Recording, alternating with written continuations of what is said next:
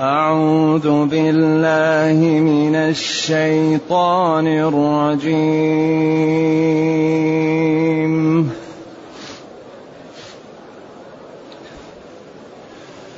من كان يظن أن لن ينصره الله في الدنيا.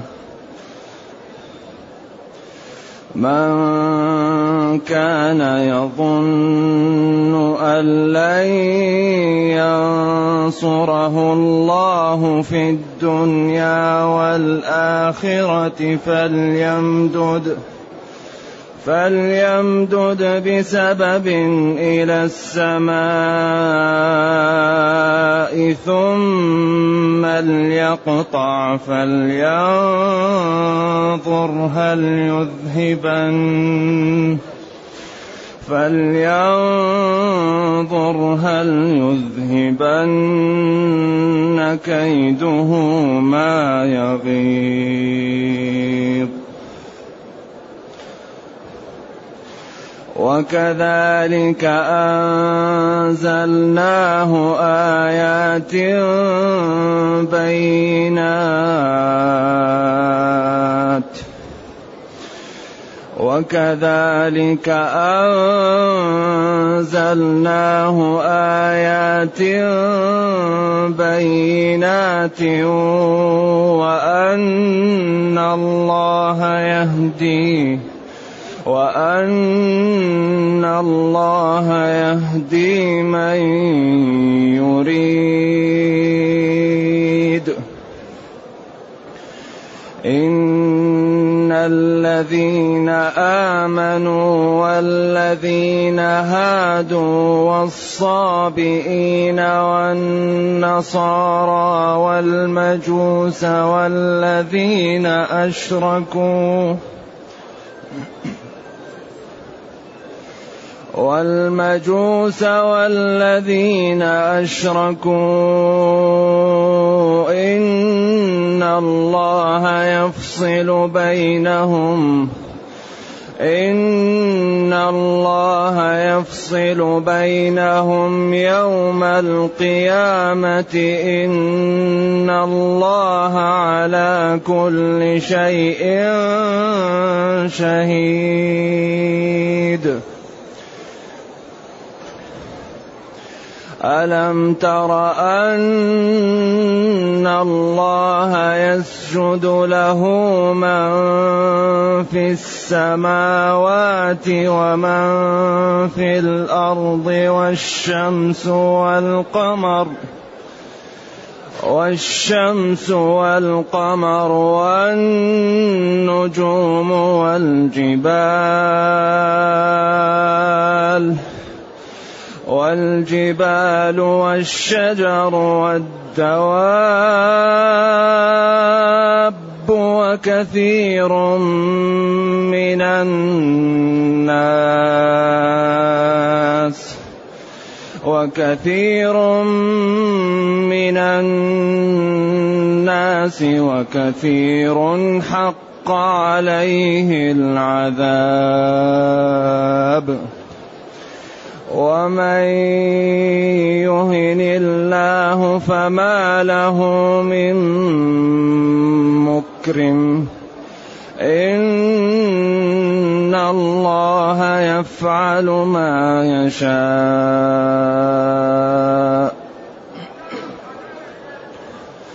هذان خصمان اختصموا في ربهم هذان خصمان اختصموا في ربهم فالذين كفروا قطعت لهم ثياب من نار يصب من فوق رؤوسهم فالذين كفروا قطعت قطعت لهم ثياب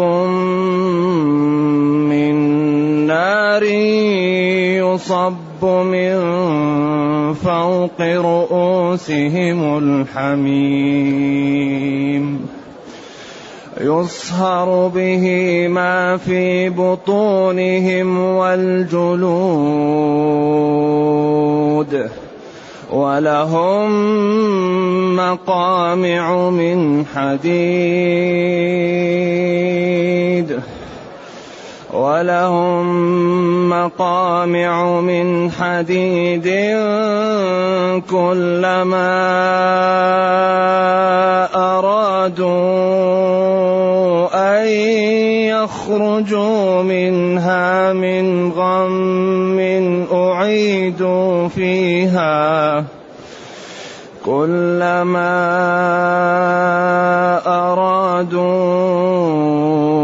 أن يخرجوا منها من غم أعيدوا فيها وذوقوا وذوقوا عذاب الحريق. إن الله يدخل الذين آمنوا وعملوا الصالحات جنات تجري جنات تجري من تحتها الأنهار يحلون فيها من أساور من ذهب يحلون فيها من أساور من ذهب ولؤلؤا ولباسهم ولباسهم فيها حرير. الحمد لله الذي أنزل إلينا أشمل كتاب وأرسل إلينا أفضل الرسل وجعلنا خير أمة أخرجت للناس. فله الحمد وله الشكر على هذه النعم العظيمة والآلاء الجسيمة والصلاة والسلام على خير خلق الله وعلى آله وأصحابه ومن اهتدى بهداه. أما بعد فإن الله تعالى يقول من كان يظن أن لن ينصره الله في الدنيا والآخرة فليمدد بسبب إلى السماء ثم ليقطع فلينظر هل يذهبن كيده ما يغيظ. هذه الآية فيها إشكال. وسببه من؟ وعود الضمير في ينصره. والسبب والسماء وينصره. إذا هذه الكلمات فيها اشتراك سبب إشكالا في الآية فاختلف العلماء فيها. فالذي اختاره الوالد وقبله كبير المفسرين ابن جرير أن المعنى من كان يظن ويعتقد أن لن ينصره أن لن ينصر الله نبيه. إذا الضمير عائد للنبي صلى الله عليه وسلم وإن كانت الآيات السابقة لم يجد فيها ذكره لكن ذكر الإيمان وذكر الجنة والنار هذا مومي إلى أن الرسول هو المرسل فهو كأنه مفهوم من السياق. إذا يكون من كان يعتقد أن لن ينصر الله نبيه فليمدد بسبب بحبل إلى سقف البيت ثم ليخنق نفسه وليرتفع عن الأرض حتى يهلك فلينظر في ذلك. هل يذهبن كيده ما يغيظ؟ كيده هو ما يفعل بنفسه لأن الكيد الذي عنده هو ما يفعل بنفسه. هل فعله ذلك يرد ما أعطى الله لنبيه من النصر ومن الرفع؟ لا يرده. هذا الذي اختاره كثير من العلماء. القول الثاني وهو الذي رجحه صاحب التسهيل ابن الجزي الكلبي وقال إن هناك في أدلة تدل عليه. من كان يظن أن لن ينصره الضمير يعود على من؟ ينصره الله. أي والنصر هنا المقصود به الرزق. يقول أنصرني أي ارزقني. من كان يظن أنه لا يرزقه الله فليمت غما لأن ما لا لا رازق له إلا الله. وهناك فليمدد بسبب فليطلع إلى السماء وليقطع الرزق الذي يأتي من السماء. يأتي بسبب ويطلع إلى السماوات ويجعل الرزق لا ينزل. هل يذهبن يعني ما يقع له هل يستطيع أن يفعل ذلك؟ لا يستطيع أن يفعل. إذا هو ما له إلا أن يقتل نفسه. والله هو الرازق ولا رازق غير الله. وقال هذا قواه ابن جزي لأنه لا ذكر لنبينا صلى الله عليه وسلم في الآيات المتقدمة. وقال لأن قبله قضية أن الله هو الرازق وهو ففيه بيان عن سياق هذا الشيء. وكل من القولين له وجه ولكن الوجه الأول يعني أوضح في السياق. وكذلك أنزلناه آيات بينات. وكما أنعمنا على الرسل السابقة وفعلنا أنزلنا هذا القرآن أدلة وبراهين واضحة لا لبس فيها. فلذلك أدلته لا يمكن أن تقاوم أدلة القرآن. كل شيء يأتي به القرآن هو مقنع سواء في الأحكام أو في الأوامر أو في الحجج أو في الأدلة كل ما يأتي به القرآن مقنع. ولذلك قال لهم أم خلقوا من غير شيء أم هم الخالقون؟ أم خلقوا السماوات والأرض؟ كل ذلك لم يقع. إذا اللي خلقكم الله. وقال لهم إن كنتم مكذبين بنبي فأتوا بمثل القرآن. إنه رجل منكم أمي لا يقرأ ولا يكتب وجاءكم بكتاب أنتم تعلمون طريقته في الكلام. فإن عجزتم فاعلموا أني أرسلت لكم رسول وقد أوعدت المكذب به النار فاتقوا النار. فكل أدلة القرآن أدلة مقنعة. ولذلك لا بد لنا من دراسة جادة لكتاب ربنا. لا بد أن ندرس هذا الكتاب. لا بد أن نجعله إماما أمامنا لحل مشاكلنا. لا بد أن نحل مشاكلنا بكتاب ربنا. لأنه تبيان لكل شيء وربنا يقول ومن أصدق من الله قيلا. فحري بنا أن نعطيه الوقت وأن نتدبره ونتأمله وأن نقف عند أوامره ونواهيه وآدابه حتى ينقذنا الله من الضعف وتسلط الأعداء علينا بكتاب ربنا. وكما أعطيناك وأنعمنا على الرسل قبلك وأعطيناهم أنزلنا هذا القرآن آيات أدلة وبراهين بينات لا لبس فيها. لذلك قال قل للمؤمنين يغضوا من أبصارهم. كل مشكلة تأتيك من البصر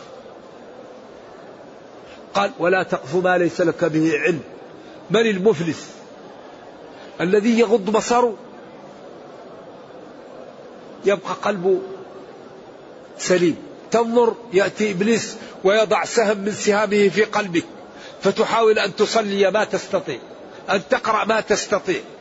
فلا يزال إبليس بك حتى يوقعك في الحرام. لذلك قال قل للمؤمنين يغضوا من أبصارهم. ولذلك مشاكل تأتي من البصر. نظرة إيش؟ فابتسامة فسلام فكلام. يعني بعدين مشاكل. قال يغضوا من أبصارهم.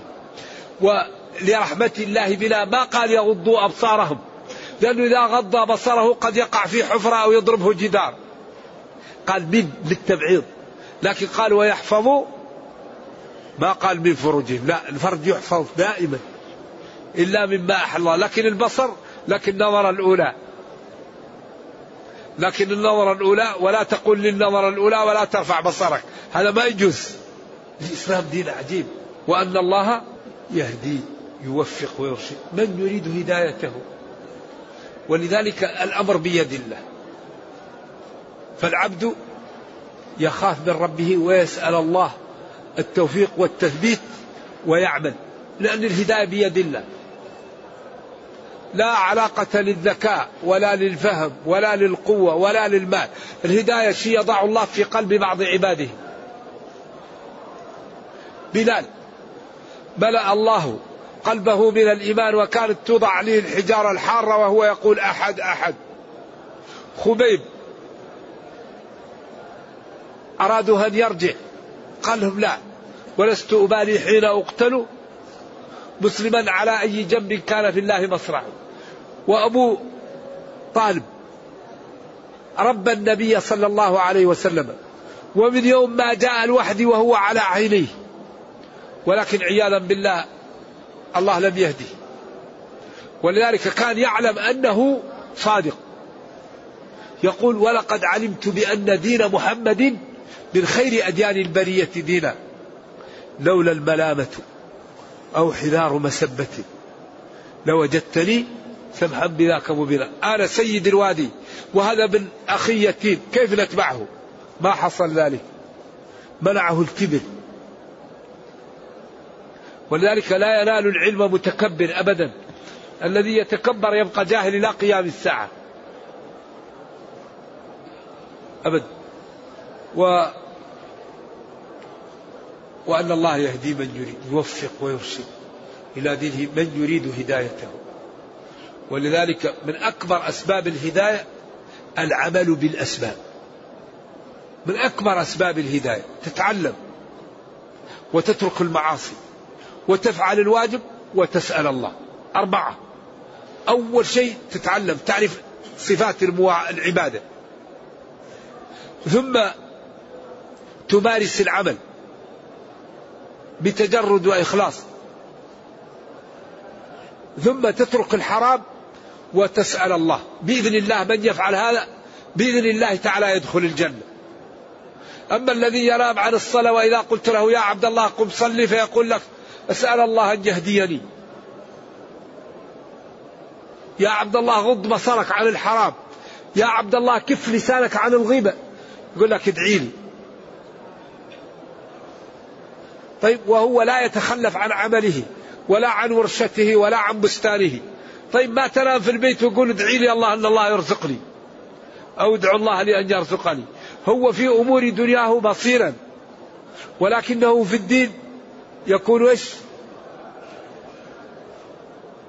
متكئ هذا لا ينبغي. لذلك إذا قام العبد بالأسباب بإذن الله تعالى يدخل الجنة. ما لأن الله تعالى ما هيأه للطاعة وللخوف وللعمل إلا يريد إنقاذه من النار. والذي تجد الإنسان مريض ومتعب والأطباء يقولون له أنت في خطر وهو متمادي على المعاصي. هذا يخيف. يا أخي أنت في خطر. أقل أعطاك الله الآن عندك. تدارك أمرك. لا. بعدين قال إن الذين آمنوا إن توكيد الذين جمع الذي آمنوا تشمل 11 جملة أركان الإسلام الستة وأركان الإيمان الخمسة. والذين هادوا يعني اليهود نسبوا نفسهم لليهودية وهم أتباع موسى وكثير من رسل بني إسرائيل. وأولاد يهوذا والنصارى. والصابئين وهم قوم من النصارى واليهود والإسلام عملوا نحلة خاصة بينهم. يعني وقيل هم جزء من النصارى. وقيل هم دين خاص بهم. مشتق من الصبأ وهو الخروج عن دين كان فيه خرج عنه والصباء إذا خرج لدين آخر. والنصارى وهم أتباع عيسى الذين ناصروه. والمجوس وهم عباد النار أو الظلم والنور. والذين أشركوا وهم أصحاب الأوثان ويدخل فيهم دخول أولي سكان الجزيرة قبل الإسلام. قريش ومن حولها. إن الله يفصل بينهم يوم القيامة. جاب إن لطول هذا خبر. إن الله يفصل بينهم يوم القيامة. خبر إن الأولى. لكن لما طال أراد أن يؤكد. تقول إن زيدا. إن زيدا لرجل عظيم. أيوة تكرر تأتي به. إن الله يفصل بينهم يوم القيامة. أي يبين المحق من المبطل ويدخل المتقين الجنة ويدخل الكافرين النار. فالفصل هو إظهار كل ما على واحد فهو الحكم. والحكم أن أهل الإيمان يدخلون الجنة وأهل الكفر يدخلون جهنم كما قال فريق في الجنة وفريق في السعير. بعدين لكن هذا يوم القيامة. لذلك الآن الأمور لا تتمايز.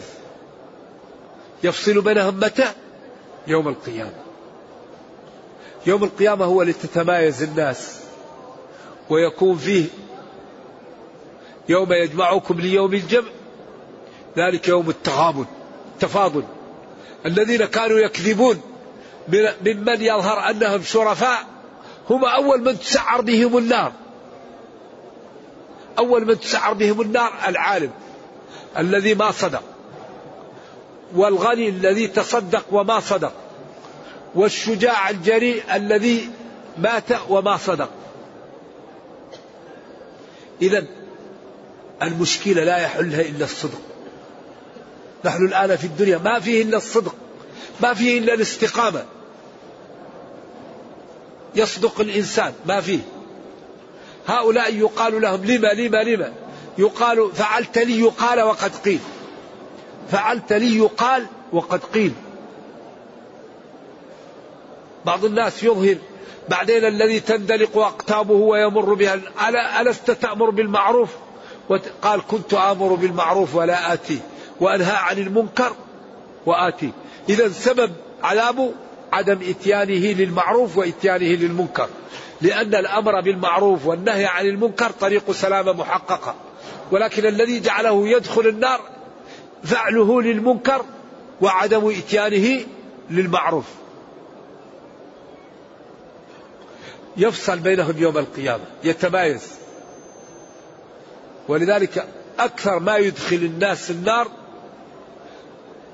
الفم والفرد من يضمن لي ما بين فكيه وفخذيه أضمن له الجنة. فالإنسان لازم يحافظ على الشهوات ونهى النفس عن الهوى. ونهى النفس عن الهوى. وآفة العقل الهوى. فمن علا على هواه عقله فقد نجا. حجبت الجنة بالمكاره. الصوم الصلاة الصدقة الذكر الاستغفار مساعدة الأيتام مساعدة المرضى. تتعب على الوالدين على الجيران. تبتعد عن كل شبهة تتعب. وحجبت النار بالشهوات. تأكل تشرب تلعب تنظر تتكلم تمشي. ما لك شغل. أهل النار لا يمنعون أنفسهم من الشهوات. ينظر كما يحلو له يتكلم كما يحلو له ينام كما يحلو له. ولذلك قالوا من اقتحم حجبات المكاره دخل الجنة ومن اقتحم حجبات الشهوات دخل جهنم.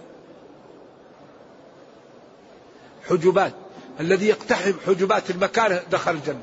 صام وصلى وتصدق وبر بوالديه وأتعب نفسه لمساعدة الأيتام والرميلات والمرضى وإصلاح ذات البين تعب. والذي يريد جهنم كل شيء يهواه يفعله. ينام حتى يشبع نوم ويأكل حتى يشبع أكل ويتكلم حتى يشبع كلام. يسب هذا ويشتم هذا ما له شغل. فلذلك الإيمان قيد الفتك الإيمان يقيد الإنسان أن يفتك بالآخرين ويظلمهم. ولذلك الإسلام ربقة في عنق المسلم. حسب الناس أن يتركوا أن يقولوا آمنا وهم لا يفتنون. ولقد فتنا الذين من قبلهم فلا يعلمن الله الذين صدقوا ولا يعلمن الكاذب. وأغلب الإسلام فتن. الله لا يفتن. محمد صلى الله عليه وسلم كذبه قومه. وأول من كذبوا عمه تبا لك ألسائر اليوم دعوتنا ولما راح للطائف ضربوه وأدموا رجله حتى جاء هائما قالت له عائشة ما أصعب ما رأيت. قال يوم الذي ذهبت إلى بني كلال. حتى لشدة الهم جاءه جبريل وقال له إن شئت أطبق عليه. وإبراهيم رموه في النار. وموسى لأنه يتستر قالوا آدر بعيد حتى جرى الحجر بثوبه. فبرأه الله مما قالوا.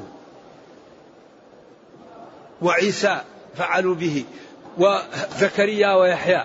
فهذا الدين أصلا لا بد الانسان أن يعلم أنه لا بد أن يصبر عليه. لأن الدين ابتلاءات. إبراهيم ولد وحيد قال له ربه لما صار يشتغل معه خذ الولد واذبحه ولد وحيد كيف نذبحه اذبحه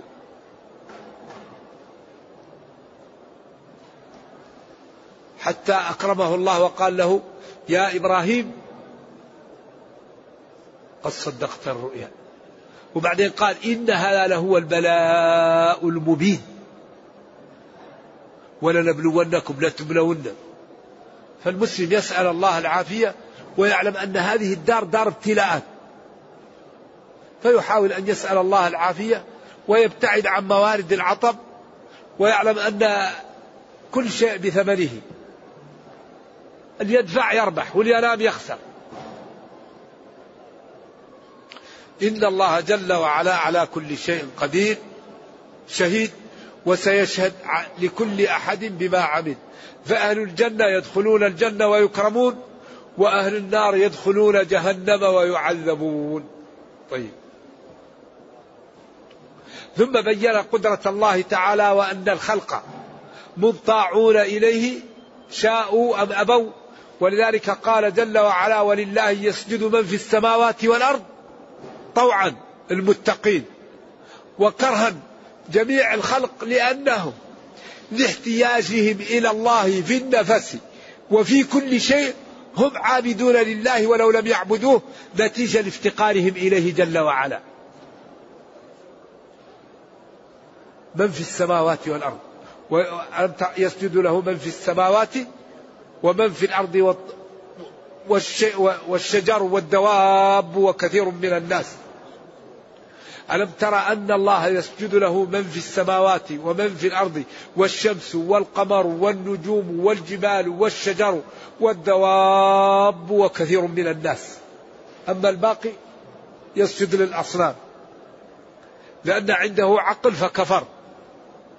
ولكن وإن من شيء إلا يسبح بحمده ولكن لا تفقهون تسبحه الطبري قال سجود هذه ظلالها.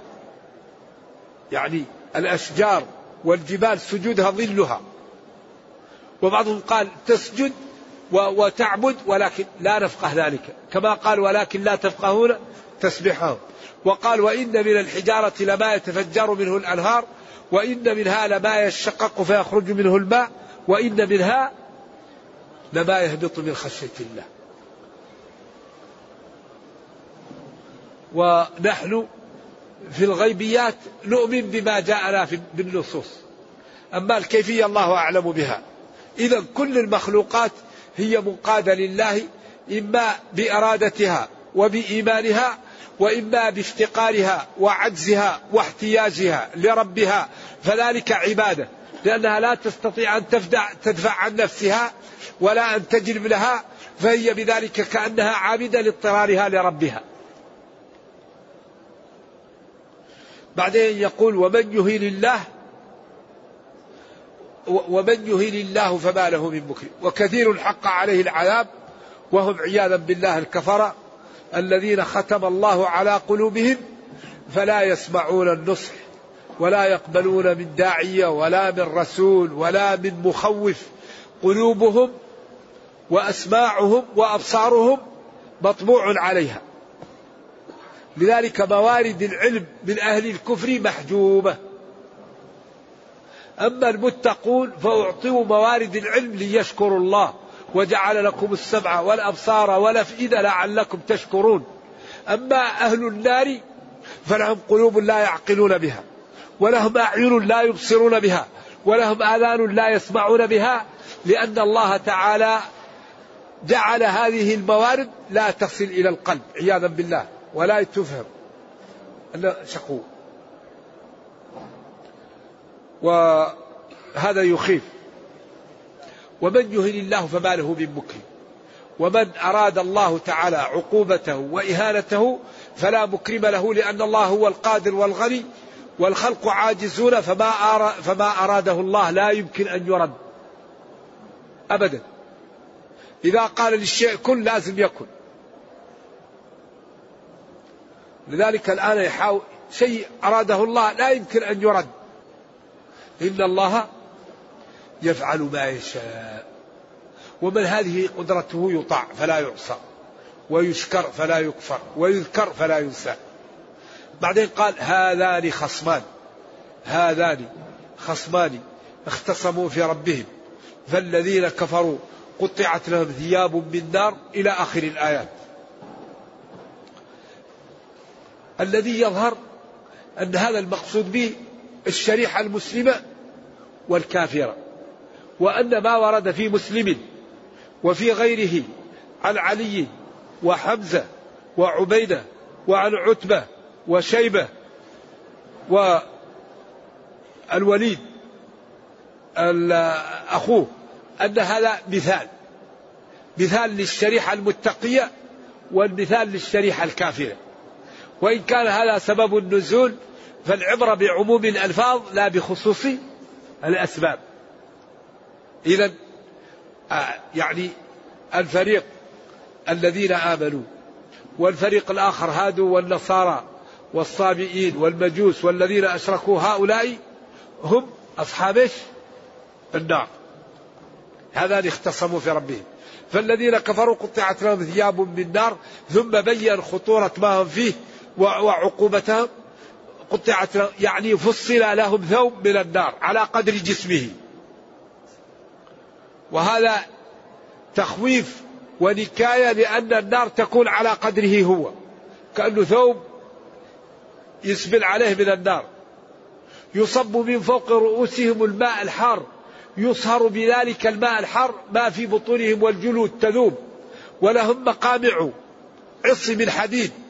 إذا ألاهم ذلك كلما أرادوا أن يخرجوا لطرف النار أضربوا فيها وردوا لقعرها. عياذا بالله.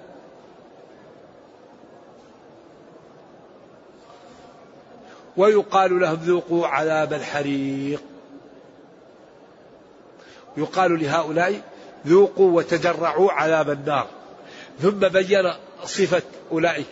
قال جل وعلا إن الله يدخل الذين آمنوا وعملوا الصالحات. لاحظوا أن في القرآن الإيمان لا بد معه من العمل لأنه هو البرهان.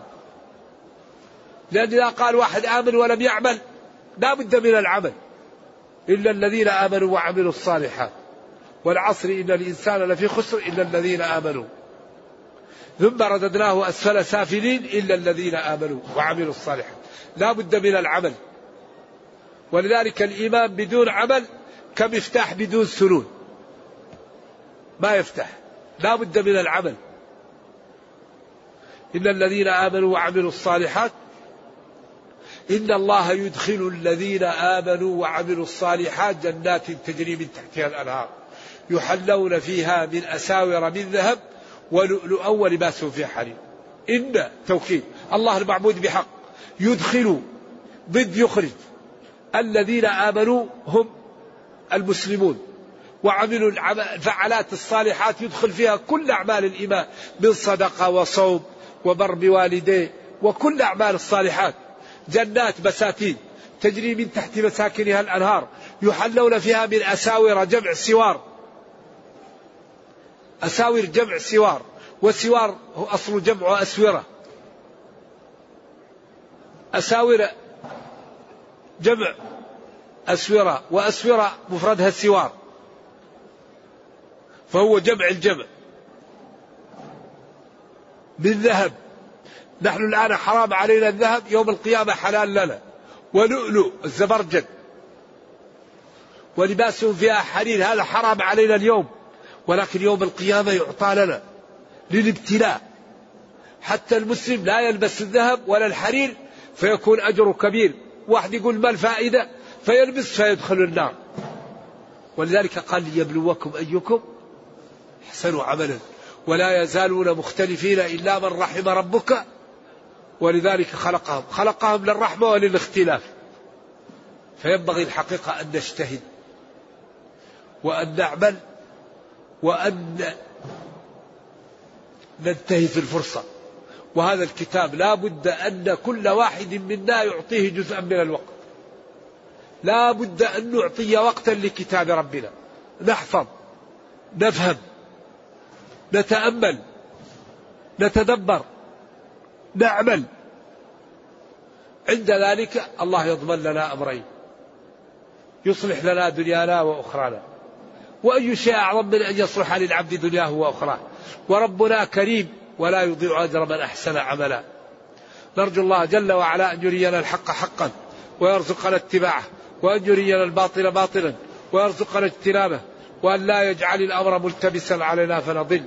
اللهم ربنا آتنا في الدنيا حسنة وفي الآخرة حسنة وقنا عذاب النار. سبحان ربك رب العزة عما يصفون وسلام على المرسلين والحمد لله رب العالمين.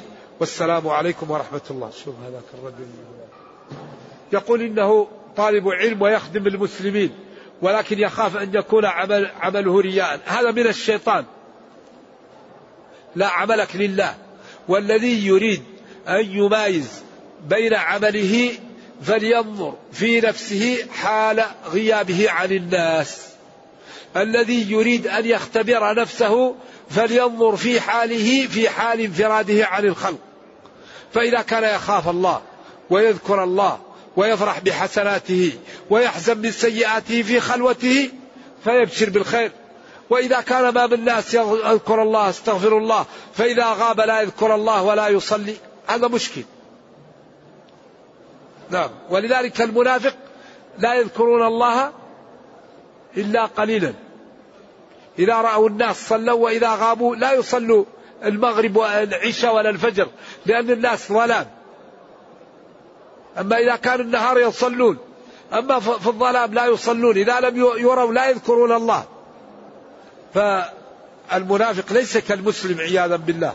الصلاة في هذا المسجد بألف صلاة.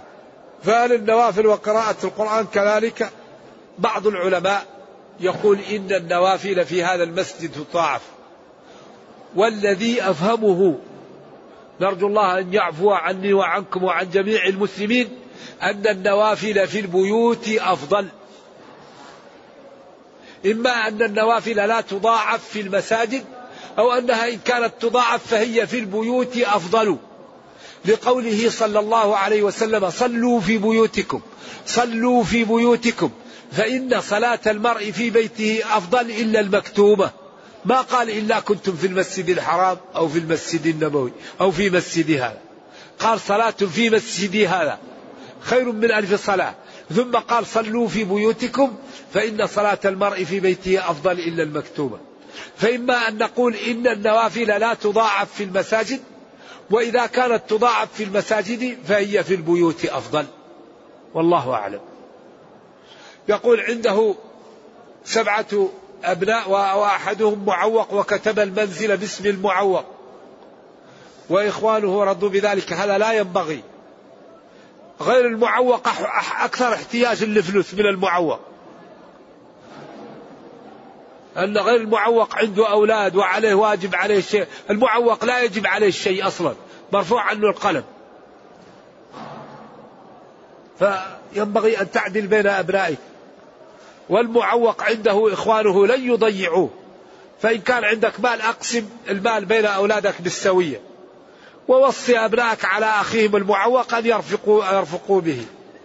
نعم. هذا الذي يظهر والله أعلم. هل يجوز العزل عن الزوجة في زمن الرضاع إذا اتفقتما وكان لا يؤذيها؟ إذا كان لا يؤذي الزوجة يجوز ولكن الولد خير. إن عاش تمتعت به ونفعك وإن مات رأيت أجره. والله هو الضامن الرزق. والذي يخاف من كثرة الأولاد لأجل الرزق يخشى عليه. الذي يمنع الحمل خوف من الرزق هذا يخشى عليه. وكل ما جاء ولد كل ما نزل خير لأن الله هو الرازق. ولذلك الإنسان إذا كانت أسرته مية ما هو زي إنسان أسرته واحد.